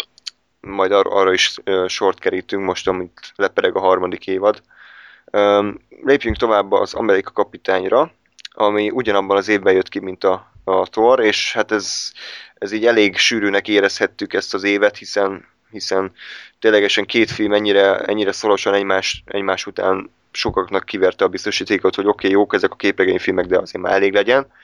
És az Amerika kapitány is ugyanolyan cikinek tűnt első látásra legalábbis nekem, mint a, mint a Thor, hiszen ez is egy, egy, egy európai szemmel egy igen gagyi történettel rendelkezik, hiszen ez a, ez a amerikai sávos lobogóba bújtatott ember, aki rohangál egy pajzsal, és Amerika dicsőségét védelmezi, gonosz nácik ellen, hát ennél, ennél idiótább történetet nem nagyon lehetett kitalálni, és abszolút érezni rajta ezt a propaganda feelinget, viszont a film Uh, ugyanúgy a Tornál is az egyik legnagyobb pozitívum az, hogy ennyire, ennyire idétlen alaptémát ennyire vállalhatóan tudott megvalósítani, és, és ez is az okos hozzáállásnak köszönhető szerintem, hogy a film maga is uh, kimondja azt, hogy Amerika kapitány egy propaganda bábú, aki, aki arra lett teremtve, hogy az amerikaiknak ugye erőt adjon a háborúban, meg hogy, meg hogy a jelkép legyen, meg ténylegesen ilyen show műsorokat rendeztek neki.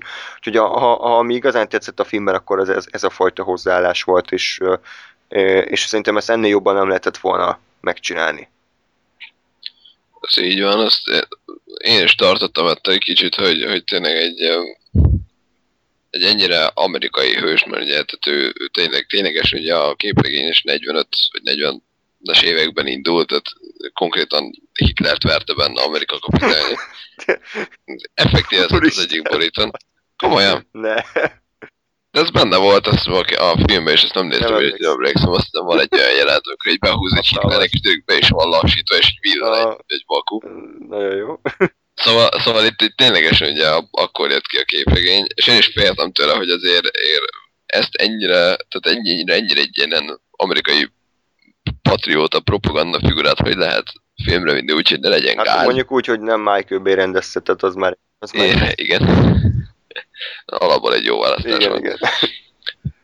De, de tényleg én is abszolút meg voltam vele elégedve, mert ugye játszódik a világháború alatt, kicsit van szerencsétlenkedés, meg mászkálás, meg sci is van, de azért, azért hősködés is van, meg, meg Meg, meg beleraktak egy, egy ikonikus főgonoszt is, az is jó volt.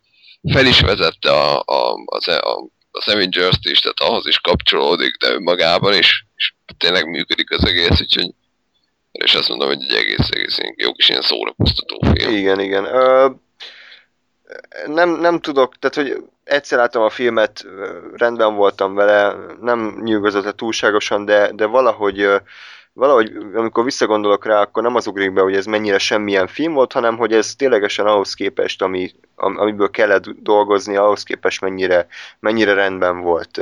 Nem volt benne, tehát nem, nem éreztem annyira egyedinek, mint a Thor, tehát annál azért, azért egy fokkal gyengébb volt, de például nagyon tetszett az, hogy mennyire sok időt szán a felvezetése. Tehát a, gyakorlatilag amíg Amerika kapitánya válik, meg ott ténylegesen ezt a ezt az ilyen propaganda körutat szervezték neki, egy, egy jó egy óra eltelt szerintem a filmből, vagy egy 45 perc minimum, és ez tökre tetszett, hogy, hogy igenis, igenis időt szánnak a karakterre. Nem az, hogy akkor 10 perc alatt már Amerika kapitány, és a maradék 1 óra 50 percben megveri a tényleg ezeket a nem is nácik voltak, hanem hidrások, vagy, vagy, vagy milyen. Nácik voltak, azok hidrások nácik Ja, voltak. ja, ja, jó, tehát ők valami külön vált szervezet volt, ugye? Tehát, Hát, mert azt azért nem merték. Náci tudományos Igen, igen. osztag, igen, igen. tudom, de nácik voltak. És, és, így, és így tök jó volt. Mondjuk a figura szerintem annak ellenére, hogy mennyi időt töltöttünk vele, nem igazán került hozzánk közelebb, tehát jó Steve Rogers, tök jó arc, nagy hős, de ennyi, tehát kb. semmi egyéb, egyebet nem tudunk meg róla, ami a ő karaktere szempontjából mm, fontos lenne, de ez is lehet, hogy ez a, ez a bölcsész, film, szakos bölcsész hozzáállásomnak köszönhető, hogy ezt várom el egy Amerika kapitány filmtől. Csak, csak mondjuk, bo- bocsánat, csak az, hogy azon kívül, hogy ő hős, legalább egy, ú, egy másik karakterjellemzőt fel tudsz meg sorolni? Tehát, hogy Hát az, az fontos talán benne, hogy ő ilyen kis ember volt, és Ja, egy kis emberből lett ilyen, lett hős, de, de belül igazából ő megmaradt ilyen kis embernek, vagy valamennyire ja, megmaradt aha. Kis embernek. Egyrészt, másrészt azért a Amerika kapitánynak az igazi ö, konfliktusai szerintem akkor, akkor jönnek elő, amikor ugye már a jelenkorba kerül. Igen, igen, igen. Ez ugye negy- 40, akár egy 45-be aztán beesik a jeges tengerbe, megfogy, és a aktuális jelenben felébred. És ugye itt egy 50-60-70 évvel később van, attól függ, mikor képregény vagy filmről van szó. És ugye ott, ott az, az, ami az igazi drámája neki, hogy ő mennyire, tehát hogy hogyan, hogyan próbál a, a, a jelen, jelen világhoz ö, alkalmazkodni. Ez is a Ultimate képregényben van egy nagyon jó, jó rész, ami ezt taglalja, hogy ugye a, a meglátogatja a második világháborúban mellette szolgál, mellette kis ilyen kis fiatal csávoként szolgáló ö, bajtársat, aki ugye most mit tudom 70-80 éves, és elvette azt a, azt a nőt, akivel a, a Steve Rogers járt annak idején, és ott egy kis három személyes pici dráma van, hogy ugye ott ők, ők mennyire megöregedtek, meg hogy, hogy ugye, sajnálom Steve, de mit tudom én, eltűntél, és ezért én elvettem. Tehát egy, Mhm, mhm. ez, ez inkább a jelenkor, tehát az ilyenek Ja, a, a jelen, jelenkori részbe jönnek elő, és nem akkor, amikor még, még ö, 45-ben van. Igen, igen. Jó. Ö, mondom, hát sok minden nem lehet szerintem még elmondani a filmről, tehát ez korrekt, a főgonosz az Hugo Weaving játszott, tehát nagyon nem lehet vele mellélőni. Vörös koponya, nem tudom, meghalt a film végén, vagy, vagy mi történt velem? Hát a fele tudja. Kirepült valami, nem tudom hova. Ennyi, ennyire émlik. És, és, a, és a casting is rendben volt, annak ellenére, hogy a Chris Evans játszott a Fantasztikus négyesben a Johnny Storm. Igen. Tehát, hogy így Human Torch. fura Human Torchot, és fura volt, hogy két Marvel filmbe is játszik, de de egyébként abszolút illett a, a szerepbe, és viszonylag jól megoldották ezt a kis emberből nagy ember lesz átmenetet is. A film elején elég durván nézett ki, ilyen 40 kg plusz vaságy testfelépítéssel. Mit gondolsz, menjünk tovább? Menjünk. Hosszú állókra? Na jó, Így. jöjjön akkor a, a nagy kutya, ami, tehát ez volt az a film, amit, amit gyakorlatilag öt másik film előzött meg, és mind, mind azért készült el, hogy megalapozzák ezt. Um, igen? Köszönjük a, az országos mentőszolgálatnak a háttérbe. Ja, igen, igen. Behallatszott mi? Jó, akkor kicsit. gondoltam, hogy a érzelmi hatás érdekében most ez így jó. Ja, fog értem, értem. Igen, igen. Ja, igen. bosszúállókhoz. Szóval, mindenki rohadtul várta a filmet, 2012. május, és uh, gyakorlatilag ilyen szintű képregényfilm még korábban nem készült el. Talán ezt nevezhetjük így a kevésbé komoly képregényfilmek alfájának.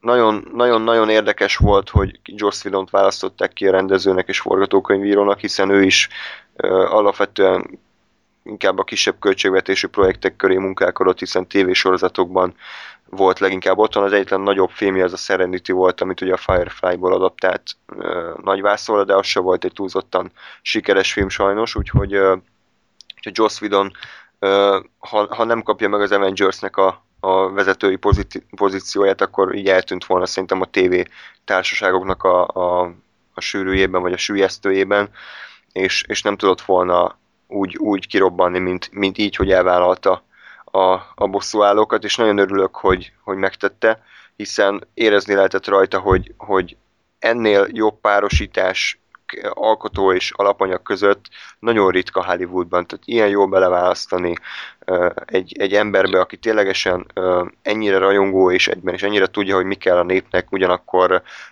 ugyanakkor nem azt mondom, hogy művészileg ez egy nagyon kiemelkedő film, de, de egyszerűen annyira jól, annyira profin van levezényelve minden szinten, hogy, hogy én azt mondanám, hogy ez, hogy ez minden idők egyik legjobb képregényfilmjei között méltó, méltó helyen lenne.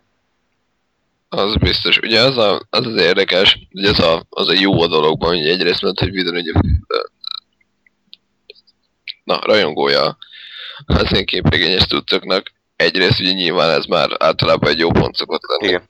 A másik, ami, ami nemrég gondolkoztam, hogy, hogy miért volt ő előnyös választás, hogy alapvetően ugye Vidonnak a, a, a rendezői kézjegyei közül az egyik az az, hogy, hogy az igazán nagy, meg az igazán ikonikus dolgaiban alapvetően nem egy főhőse van, hanem mindig egy csoport a főhős. Tehát mondjuk gondolok itt a Buffy-ra, ahol ugye bár Buffy a címe, és bár Buffy a, kiemelhető, mint, mint fő, fő karakter, igazából legalább annyira fontosak azok a azok a, a, az emberek, akik körülötte vannak, tehát ugye a barátai, akik, akikkel együtt gyakorlatilag tevékenykedik, illetve ugye a Firefly-ba ott, ott már kevésbé, tehát ott már nem lehet szerintem egy embert kiemelni, tehát ott tényleg a hajónak az egész legénysége ö, egy, együtt főszereplő, és ugye a közöttük lévő, tehát mindkét sorozatban a közöttük lévő ö, feszültségek, illetve a közöttük lévő drámák, azok nagyon hangsúlyosak és nagyon jól, jól ki vannak alakítva, és ugye ezért ezért egy nagyon jó választás, ugye ez Avengers, ami, ami alapvetően arról szól, hogy fognak egy halom önállóan is hatalmas szupererőst, és összerakják egy ilyen über, mega szuper, meta, szuper csoportá, és ugye azt, azt várnál igazából, ez, ez a másik, ami, ami Vidonnak a, a kézjegyen, hogy nála a csoportok azok nem ilyen idilli csoportok, hanem mindig marják egymást, mindig beszólnak egymásnak. Baráti, tehát azért, azért nem, nem, ilyen, nem utálják Igen, egymást, csak így- azért csipkedődnek. Hát ez abszolút megvolt itt is, tehát nagyon durva. Igen. Szintén ugye a Buffy-ba és a Firefly-ba és, és itt is. Ugye sőt, itt alapvetően elmentek addig, hogy, hogy nagyon sokáig a csoport csoportként egyáltalán nem működött. Igen. Ugye, amikor a, a, megtámadják a, a helicarrier-t, tehát a, ugye a shield a lebegő bázisát, akkor gyakorlatilag szana szétverik őket. Tehát ugyanúgy ott van Amerika kapitány, ugyanúgy ott van a vasember, a Hawkeye, a Hawkeye mondjuk gonoszak. Hulk. De ott a Black Widow, a Hulk, a Thor, Nick Fury, ügynökök, minden, és a rongyosra verik őket, és kiszabadul a, a főgonosz, mert, mert egyszerűen nem bírnak csoportként működni, mindenki akkor arca van, mint az állat. Ö, És igen. ugye, ugye csak később, később, tehát ugye annak ellenére, hogy azt hinnéd, hogy ó, hát mindegyik mekkora jó hős, majd együtt meg még, még wow. És nem. És tényleg elmegy eddig, hogy, hogy nem. Nem működnek egyáltalán, és, és ami szerintem a zsenialitás a, a forgatókönyvnek, hogy a, a egy ilyen kis, egészen addig kis jófej mellékszereplőnek a, a halála kell ahhoz, hogy tényleg az egész csoportot összerántsa, és hogy, hogy tényleg egy ilyen kis, kis idiótának, idiótát akarnak megbosszulni, és bosszulnak meg, és így kezdenek el ténylegesen működni csoportként, és tényleg így lesznek bosszú állnak, azt Nagyon, zseniális. nagyon, nagyon, nagyon jól van ez kitalálva, és, és annyira természetesen adódik a filmből, nem érezni rajta ezt az erőltetettséget, hogy hú, most összeállunk, és mi vagyunk a bosszúálló alakulat, hú, melverik a gonoszokat, hanem így ilyen mindenki annyira önző, annyira nagy seggfej, de, de a végére pont ettől érezzük uh, még jobbnak a filmet, hogy, hogy megszerettük ezeket a karaktereket, és jó végre együtt látni őket. És, és pont ez, ahogy emlegetted ezt a hülye mellékkaraktert, ez a Coulson ügynök, a, a korábbi uh, Avengers antológiai filmekben, nem tudom, miért nevezzem már, mindennek neveztem már, vagy Shield filmek, vagy tök mindegy, tehát a, uh, ezekben uh, egy totálisan jellegtelen mellékkarakter volt, akinek semmi jellemje nem volt, csak annyi, hogy állt, meg így nagyon csúnyán nézett, meg telefonált, meg magyarázott az az embereinek, és az Avengers-ben a Vidon olyan, olyan jó karakterjegyeket adott neki, uh, annyira örültem neki, hogy egy ilyen totálisan jellegtelen mellékkarakterből is milyen tök kedvelhető figurát csinált. Ez, hogy ő rajong az Amerika kapitányért, uh, hülye kártyáival, meg a barátnője, aki csellózik, és, és ezeket csak úgy, az úgy szépen beleépítette a, a filmbe, pedig tényleg simán ki lehetett volna venni, hiszen, uh, hiszen a történetek nem a szerves része. De, de mégis uh, annyira jó látni ezt, hogy igenis valaki törődik azzal, hogy, hogy, hogy színes karakterekkel tegye tele a filmjét. Nagyon-nagyon tetszett ez a Coulson ügynökös fordulata a filmnek. Ez jó, hogy mondod ezt a csellós történetet, mert, mert igazából ö, nem gondoltam bele, hogy ugye, ugye tényleg azt három mondat van ilyen, hogy, hogy mit tudom én, a Tony Stark mondja, hogy igen, most van egy ilyen csellista, akivel szeretne összejönni, meg, meg hogy jó, akkor majd meséld el, hogy mi volt, meg ha akarod, akkor segítek, tehát oda reptetlek hogy Portlandba, hogy hol lakik a csaj. igen, igen. És ugye tényleg nulla befolyás van az egész történetre, viszont azt érzed, hogy így él. Igen. Él, él a világ, és él a karakter. És tényleg így, így eszembe jutott, hogy igazából a buffy is van ilyen, tehát ez megint csak a videónak a, Mhm. a kis, kis kéz, ugye, hogy ott is ott épp olyanoknak ugye mindig apokalipszis van, meg világvége, de mindig vannak ilyen, ilyen apró olyan dolgok, ami, ami mondjuk egy embernek ugye a mindennapjai során bele, bele épült az agyába. Tehát ott ilyen van, hogy a kanapéra felrakja a lábát a csávó, és akkor ugye bejön a, a ház tulajdonos, és akkor így lekapja, hogy úristen, hát felrakta, ilyen taholjak, felraktam a kanapéra. Éppen tényleg azzal, hogy a világot elpusztító ős gonosz érkezik, és mindenki meg fog halni, de benne van egy ilyen kis jelenet, és, és tényleg ez a, ez a csellista lány is így ilyen dolog, hogy, hogy oké, okay, hogy itt most szuperhősök vannak, meg, meg tényleg megint elpusztul a világ, meg mit tudom én, de attól még ugye vannak olyan dolgok, amik, amik ettől függetlenül ez előtt benne voltak az ember életében, és az alatt is benne vannak az ember életében, és hogy ezek, ezek tök jó, hogy így kijönnek, és Igen. ott és, vannak. és, és ez a cselista lány gyakorlatilag a jéghegy csúcsa, hiszen minden egyes jelenet tonna számra van ilyennel. Ezért tartom zseniálisnak a forgatókönyvet, mert minden egyes jelenetben, hogyha megnézzük, akkor, akkor sugárzik az, hogy ez az ember, ez, ez ösztönösen tud ilyen jól írni. Tehát ki az Istennek jut az eszébe, hogy egy, hogy egy, egy olyan bázison, ami korábban a nézőtek csöpögött a nyála, hogy milyen rohadt jól néz ki, és ott mennek össze-vissza, high-tech felszerelés, a, a, a mindenkiért az, az alkalmazottak közül ahhoz, amit csinál, és akkor egyszer csak bevág egy ilyet, hogy az egyik alkalmazott valami hülye 8 bites játékkal játszik. És így egyszerűen le, ledobtam a hajamat, hogy hogy lehet ilyen hülyeséget kitalálni, viszont tök, tök természetesen következik a történetben, hiszen hogy mindenki a munkahelyén szokott néha ilyen hülye játékokkal játszani, miért nem játszhatna az az ember is, akinek éppen nincsen semmi dolga, van 5 perc szünete, és elkezd játszani ezzel a játékkal. És, és abszolút beleélik a történetbe, és, és nagyon jó ötletnek tartom. És az akciójátékben is, a, amiket a Hulk csinál a, a Torral, meg a, meg a Lokival a végén, tehát ez, ezek is olyan dolgok, hogy így, hogy ilyet nem látsz egy, egy átlagos hollywoodi filmben, mert, mert a hollywoodi filmeket ilyen sablonszámra készítik, pipálgatják, hogy milyen célközönségnek milyen dolgok szükségesek ahhoz, hogy jól szórakozzon. A videó meg meg mert csinálni ilyeneket, hogy, hogy, így, hogy így szembe megy ezzel, és azt mondja, hogy én hülyeségeket fogok beleírni, de úgy hülyeség, hogy azért mégis, mégis mégse érezzük azt, hogy ez csak egy csak azért került bele, hogy legyen valami, hanem el tudod hinni azt, hogy a történetben ebben a világban ez játszódik, ez valóban megtörténhet. És nagyon-nagyon jó ettől a film. Igen, ez a, ez a harmadik, vagy nem tudom hányadik ilyen rendezői kézjegy, amit, amit egy fejben számon tartok, hogy ilyen nagyon debil poénokat képes valahogy úgy beleírni, hogy nem érzed debilnek a poén. Ugye ez most már egy, hát egyszer térünk vissza a Buffyhoz, ott, ott akkor lehetett érezni, amikor, amikor volt olyan évad, amikor nem ő írta hogy nem annyira vett részt mm-hmm. valószínűleg az, az írásban, van, és uh, érzni lehetett, hogy a, az írók megpróbálják ezt utánozni, az ő stílusát, akkor rohadtul nem jött össze, mert, mert baromira nem jöttek át ezek a poénok, nem nagyon ilyen erőltetett, ilyen mm. Oké. Okay. Ilyen, ilyen, ilyen poénok voltak benne, holott, holott éreztem, hogy tényleg ha ezt videón csinálja, akkor neki valahogy ugyanez valahogy működött volna.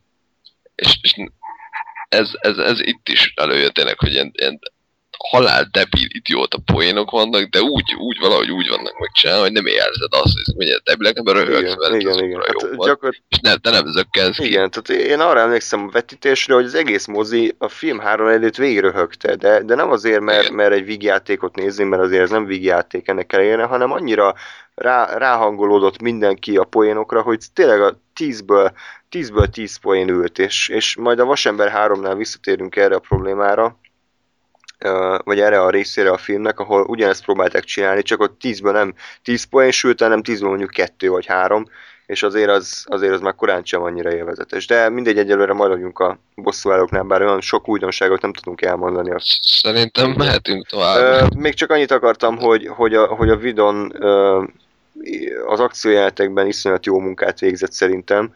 Olyan, olyan szinten olyan szinten ki, kielégítette a nézőigényeket, annak ellenére, hogy hogy azért ő se erőltette meg magát kreativitás szempontjából szerintem, tehát hogy az úzások is inkább jól néztek ki, mint sem az akció koreográfia eredeti lett volna, de, de a, a vége az a körülbelül 20 perc vagy 30 perces zúzás New Yorkban, az, az eszméletlenül jól nézett ki. Voltak benne ilyen hosszú, vágatlan jelenetek, apróra vágott, apróra vágott, tehát egy pergőre vágott szekvenciák, poénok, dráma, zúzás, akkor ez a, ez a főhő hősök körül körbe megy a kamera, miközben mindenki pózol, tehát annyira érezni, hogy egy geek csinálta ezt a filmet, és az, az alapján válogatta össze ezeket a jelenteket, akciójelenteket, hogy ő, ő mit tartana jónak szórakoztatónak, úgyhogy hogy ténylegesen az akciójelentek is, is abszolút megállják a helyüket, és mindig tudja egyelemelni a tétet a film. Yep. Na, és akkor és fényesre nyaltuk ide a hátsó felét, mehetünk tovább a vasember. Ami, hát... Um, nem jó. Nem, nem, nem annyira jó. Nem annyira jó. Um, 2010... Mikor is? Három? Rég volt. Május, Május Csak nem. itt a na mindegy, a kisokosom azt mondja, hogy 2012 áprilisában mutatták be, de ennyire azért a magyar, és a magyar bemutató, tehát ennyire azért még nem gyors a magyar filmforgalmazás, hogy a, még, még el se készült a filmmel bemutatják, minden esetre 2013-ban most is dübörög a, a film a mozikban. Uh, annak örültem, hogy Shane Black-et bíztak meg az író és a rendezői feladatok ellátásával, hiszen ő a, ő a akciófilmeknek az egyik nagy istenének számít még a mai napig, annak ellenére, hogy gyakorlatilag így, így 5-6-7-8 éve nem alkotott semmi maradandót, tehát a legutóbbi filmje az a Kiss Kiss Bang Bang volt 2005-ben, az előtti jó filmje pedig hát talán az utolsó cserkész, bár én az utolsó akcióhőst is szeretem, de az, azt nem igazán szokták jól értékeni a kritikusok. Minden esetre úgy gondoltam, hogy ő egy jó választás, hiszen hiszen forgatókönyvíróként már letett egy-két olyan skriptet az asztalra, amire így azt mondom, hogy, hogy, hogy ez az ember tud valamit. Nem egy vidon, abszolút más a stílusa, de ő benne is benne van ez a kicsit ez a, ez a jó szövegek, könnyed történetben, jó figurák egymással csipkelődnek. Tehát meg volt benne ez a vasember feeling és az Avengers filmeknek a feelingje. Ennek ellenére. Hát ez a, ez a könyv ez nem jó. Ez a script ez nem jó sajnos. Talán ez nem, nem működött. Igen, az volt vele a problémám szintén, hogy nagyon-nagyon sok, sőt, gyakorlatilag szinte az összes ötlet, az tök jó volt benne, működhetett volna baromi jól az egész, csak nem volt úgy megírva, hogy ez az egész működjön. Tehát tényleg az, hogy, hogy a karakternek a drámája, hogy itt, itt függővé válik, tehát a saját, a saját páncéljaitól függ, ezt is tök jól meg lehetett volna írni. Az, hogy ugye jön egy hülye, aki, akit ő egyszer elküldött, és most ilyen kvázi bosszút áll, ez is tök jól lehetett volna. Az, hogy közben ugye a, mit tudom én, a, a mi ez, a War Machine is igen, ott igen. van, és ilyen Iron Patriot-et csináltak belőle, ez is Mandarin. tök jól lehetett volna. A Mandarin is, tehát tényleg, hogy egy ilyen nagy, nagy főgonosz is tök jól lehetett volna csak így valahogy semmi nem jött össze, és ezért nem lett jó a film. Hát nem, illetve ez is a maga módján azért nézhető, tehát a, még ha nagyon akartak volna, nem tudtak volna a nézhetetlen filmet csinálni 200 millió dollárból, hiszen a látvány azért elviszi a filmet a hátán, meg Robert Downey Jr. továbbra is, továbbra is jó, de, de ez, ez, ez csalódás ez a film számomra. Ö, sok embernek tetszik egyébként, mert azt mondják, hogy, hogy szórakoztatta őket a film, és én sem mondanám azt, hogy, hogy unatkoztam volna alatta, de nagyon egyenetlennek éreztem. Tehát voltak jelenetek, amik abszolút működtek, viszont aztán 20 percig leállt a film, és semmi nem történt, és a poénok is abszolút kínosak voltak inkább. Aztán megint beindult, megint jó lett egy-két jelentben, aztán megint leállt. Tehát, hogy így nem, nem volt kiegyensúlyozva a minőség, és ez, és ez zavaró volt számomra. A történetről mi volt a véleményed? Szerinted mennyire volt érdekesebb, mint az előző Vasember filmeknek a története? Eh, az a baj, hogy nehéz, nehéz a, a történetet, ugye, ugye nekem ez, ez okozza a legnagyobb problémát ezzel a filmmel, hogy én azt látom benne, ami lehetett Igen. volna. Igen. És, és ugye ilyen szempontból ugye nem tudom jónak értékelni, mert tudom, hogy nem kellett volna sok hozzá, hogy tényleg rohadt jó legyen, és jól működjön az egész. Tehát így egyelőre így egy nézés után nem, nem igazán tudok objektíven beszélni semmiről. Ja. Tehát azt tudom mondani, hogy én többre számítottam, és ez képest nagyon, nagyon csalódás volt, hogy csak ilyen kis... Igen, hát uh, itt is ilyen, eh, jó. Igen, tehát nem, Igen, nem volt egy nagy, nagy eresztés sajnos. Uh, és itt mutatkozik meg annak a Marvel stratégiának a negatívuma, amit korábban pozitívumként könyveltünk el, hogy ugye pörögnek a filmek, folyamatosan jönnek, nincs igazából megállás, és, és nem marad el nagy szünet, vagy nincs nagy szünet két film, két filmi között, de, de az Avengers után egy évvel kidobni ezt a filmet, hát egy év kellett volna, hogy egyáltalán egy jó forgatókönyvet írjanak, vagy legalább egy fél év, és, és én és, és amiről beszéltünk, hogy, hogy megvannak benne a jó ötletek, de nincsenek kidolgozva, ez annyira rányomja a BLG-t az egész filmre szerintem ez a sietség, hogy na dobjunk össze valamit jelleg, hogy ez, hogy ez szinte kinyírta az egészet. Nem, mondom, továbbra nézhetetlen, de hogyha az ember egy kicsivel jobban belegondol, hogy ebből mi lehetett volna, akkor, akkor igen csalódás a, a Vasember árom sajnos. Igen. Tehát azért uh, én is tartom azt, hogy még egy második újra nézést eredeti hanggal, igen, nem szinkronnal mindenképp kell neki, de, de így, elsőre nem, nem igazán fogott meg.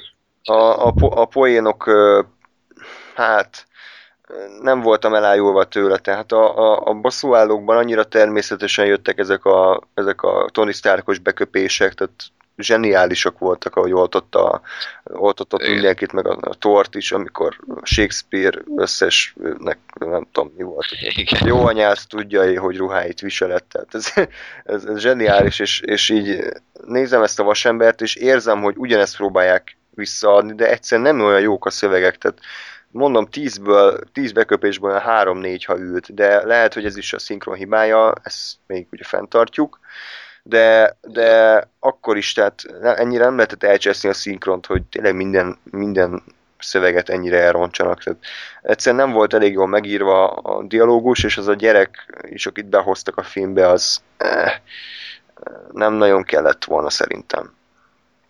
Hát vagy, vagy rendesen vagy hát igen, vagy nem így. Tehát, ez, ez, is, ez is ugyan, ugyanez a probléma. A legnagyobb pozitívumáról a filmnek szerintem nem nagyon beszélünk, hiszen ez spoileres, bár szerintem aki meg akarta nézni a filmet, az már látta. Minden esetben azért, azért ne, ne lőjük el, szerintem annélkül is tudunk beszélni, hogy, hogy az igazi meglep, hogyha van meglepetés a filmben, akkor, az a, akkor ez, ez a bizonyos pontja, amikor kiderült az egyik figuráról, hogy nem az, akinek látszik, és ez, ez szerintem igen, igen jó húzás volt, mert végre meglepett, és azt éreztem, hogy Marvel film igazán bevállalós döntés hozott. Igen, ez, ez engem is meglepett egyébként, hogy nem, nem gondoltam valahogy erre, hát tényleg egyáltalán, hmm. hogy, hogy ilyen, ilyen Jaja. fordulatos, és nagyon-nagyon, na ezt a döntést, ez nagyon tökösnek és keménynek érzem, hogy ezt bemerték vállalni. Jó, ezért, ezért mindenképp egy nagy piros pont. Igen, igen, igen. Ö, sokan egyébként lázadoznak, hogy úristen szembe megy a képregényel, meg, meg leköpte, meg nem tudom mit csinált vele. Nyilván őket is meg lehet érteni, de, de mi így a képregényeket annyira rettenetesen nem ismerve azt mondjuk, hogy, hogy jó volt végre egy olyan történetbeli fordulattal találkozni, amit nem lehetett kilométerre előre sejteni. Igen, igen, ezt mindenképp aláírom, hogy, hogy ilyen régen volt nálam. Igen filmnél, hollywoodi filmnél, hogy, hogy így ennyire pofán vágott valami fordulat, mert tényleg egyáltalán nem számítottam rá, hogy ez lesz. Igen, igen, igen. Úgyhogy, úgyhogy ez abszolút a legjobb része a filmnek szerintem. Uh, ugye Shane Black korábban csak forgatókönyveket írt, a Kiss Kiss meg rendezte, de hát az egy jóval kisebb léptékű film, és itt az akciójelenetekre kicsit rátérve nem kell nagyon belemenni. Uh, én azt éreztem, hogy így hogy így nagyjából elvégezte a feladatát, de nem igazán tudott egyetlen egy emlékezetes jelenetet se produkálni, tehát így, így összedőlt a háza, ugye a Tony Starknak ezt a trailerekben is már nagyon reklámozták, de nem éreztem egyszer se azt, hogy úristen mekkora dráma van itt, hanem csak így néztem, hogy hát de jól meganimálták ezt, a, ezt az összeomlást, meg hogy ott a, az jó ötlet volt, hogy ott a Peppert berakta a ruhába, azt tetszett, de így, így a végén is inkább a koreográfia volt az, ami így, ami így rendben volt a, az utolsó nagy leszámolásnál, de én úgy éreztem, hogy a Shane Black azért még, azért még nem az a nagy ö, akció rendező, mint amilyen lehetne egyébként. Hát igen. Úgyhogy uh, talán te mondtad még a vetítés után, hogy így a vágásokat kicsit ilyen lomhának érezted néhány jel. Igen, az elején, az elején nagyon-nagyon úgy éreztem pont, amikor a házfelőben beleesik a vízbe, hogy indokolatlanul sokáig mutatják azt, hogy úristen, most zuhanok le, még mindig zuhanok le, placs, most a víz alatt vagyok, és tényleg ezt ilyen iszonyat lassú kamera, azért nem is tudom, volt egyetlen kameramozgás, de feleslegesen sokáig mutogatták, és megőrültem tőle, hogy jó van, értem, beleestél a vízbe, haladjunk tovább. Igen, hát ez is, ez is talán a tapasztalatlanságának köszönhető, hogy igazából nem tudta, hogy hogy lehet ezt a jelenetet uh, annyira jól bemutatni. Így sem volt egyébként rossz, csak lehetett volna jobb is, és ez egyébként ez az egész filmre nagyjából igaz. Igen. Um, úgyhogy, úgyhogy szerintem akkor így, így ennyi, is, ennyi is volt. Jelenleg itt tartunk, hogy Vasember 3, ugye még idén jön az, a Thor 2, ha jól tudom, akkor augusztusban, de lehet, hogy októberben nem, nem pontosan emlékszem rá attól még úgy, úgy elvárjuk, hogy jó legyen, bár, a, bár az alkotógár az kicserélődött, tehát újak a forgatókönyvírok és új a rendező, és ha jól tudom, akkor ez már inkább a, inkább a, ebben a fantasy világban játszódik, és a földre annyira sokszor nem látogatnak el, de, de hát bízunk benne, hogy a, hogy a trónok harca rendezője azért hozza az ott mutatott szintet. Igen, hát szerintem ilyen Asgardos világban ez abszolút vállalható lesz, meg, meg szerintem ez nem fel, sőt ez jó is, hogy ilyen most ugye a, a az Avengers-re összeértek, és ugye most megint X-filmen keresztül külön fognak működni, és ugye ez a vasembernél felmerült igazából, hogy, hogy ö, tényleg ott van a mandarin, aki a világ legnagyobb terroristája, és ugye az egész Avengers így és ez szarja, tehát, és de, de még ott sem elszóz, semmit, még tényleg... vagy nem tudom tényleg, tényleg egy ilyen világ lesz, ki, ki mondják a film, hogy a világ legnagyobb terroristája, és az egész világot fenyeget, és senki lesz szar, és csak a vasember van. Igen. És ez egy kicsit ilyen, Nem, mi ez annyira nem tetszett egyébként, hogy, hogy tényleg ennyire rámentek a korábbi filmekben erre a Avengers beharangozóra. Most viszont a Vasemberben gyakorlatilag a vége volt ez a kis pluszját a stábista után. Az leszámítva egyáltalán nem volt semmiféle utalás. A, a, Igen. jó persze az, hogy a New York milyen hatása volt a Tony Starkra, és ez mennyire megviselte őt, tehát az a szállása volt túlzottan erőteljes, ez a lelki válság, tehát az kifejezetten gyenge volt szerintem de, de megint akkor úgy tűnik, hogy visszatértünk ezekhez a önállóan is idézőben működő filmekhez. És val- De igen, ezt, bocsánat. igen, csak annyi, hogy akkor valószínűleg a Thor 2 is ezt a nyomvonalat fogja követni. Igen, és ezért mondom, hogy ez szerintem működőképes, mert ugye az, hogy Asgardban játszódik, azt, azt el tudod fogadni, hogy oké, azért nincs ott mindenki más, és így, így tényleg jó, most akkor lenyomta ugye az első filmjébe a két világ közti ugrapugrálást, lenyomta az Avengers-be azt, és megmenti a földet, és akkor most a Thor Dark World-be tessék visszamenni Asgardba, és akkor ott is rendet tenni, és ez is szerintem egy korrekt Mhm, mhm. korrekt döntés volt. Meg szerintem ugye a trónok harcás ö, emberek azért talán, talán benne vannak ebbe a kis középkori hatású fantasy drámás, Igen, igen. kicsit akciós vonalba, úgyhogy ez bízom benne, hogy jó lesz a dolog. Reméljük, reméljük. Uh, azt hiszem jön az Amerika Kapitány 2, az már jövőre csak, Winter Soldier, biztos a képregény rajongóknak ez mond valamit, hogy Winter Soldier, uh, Valamit mond. valamit, hú, hú, hú, nagyon re- rejtélyes volt. Ö, akkor az, az nagyjából sejteni lehet a címéből, hogy, hogy miről fog szólni, gondolom. Aztán itt azt írja, hogy Guardians of Galaxy, hát nem tudom, hogy ez az Avengers 2 előtt megjelenik-e, minden esetre arra is nagyon kíváncsi leszek, hogy ezt a, ezt a mi az Isten mosómedvés cuccot, ezt hogy próbálják majd fapofával bemutatni, vagy ha nem is fapofával, de ilyen Thor hozzáállással, meglátjuk. És végül ugye a Bosszúállók 2, ami szintén hála Istennek Joss Whedon készít, írja a forgatókönyvet, és az Avengers stábista utáni jelenetéből elvileg lehet arra következtetni, hogy ki lesz a főgonosz a, a filmnek. Hát nekem fogalmam sem volt, hogy ki az Úristen az, de aki tudja, hogy ki az, az, az kérem sugja meg, mert te, te tudod amúgy? Felismert?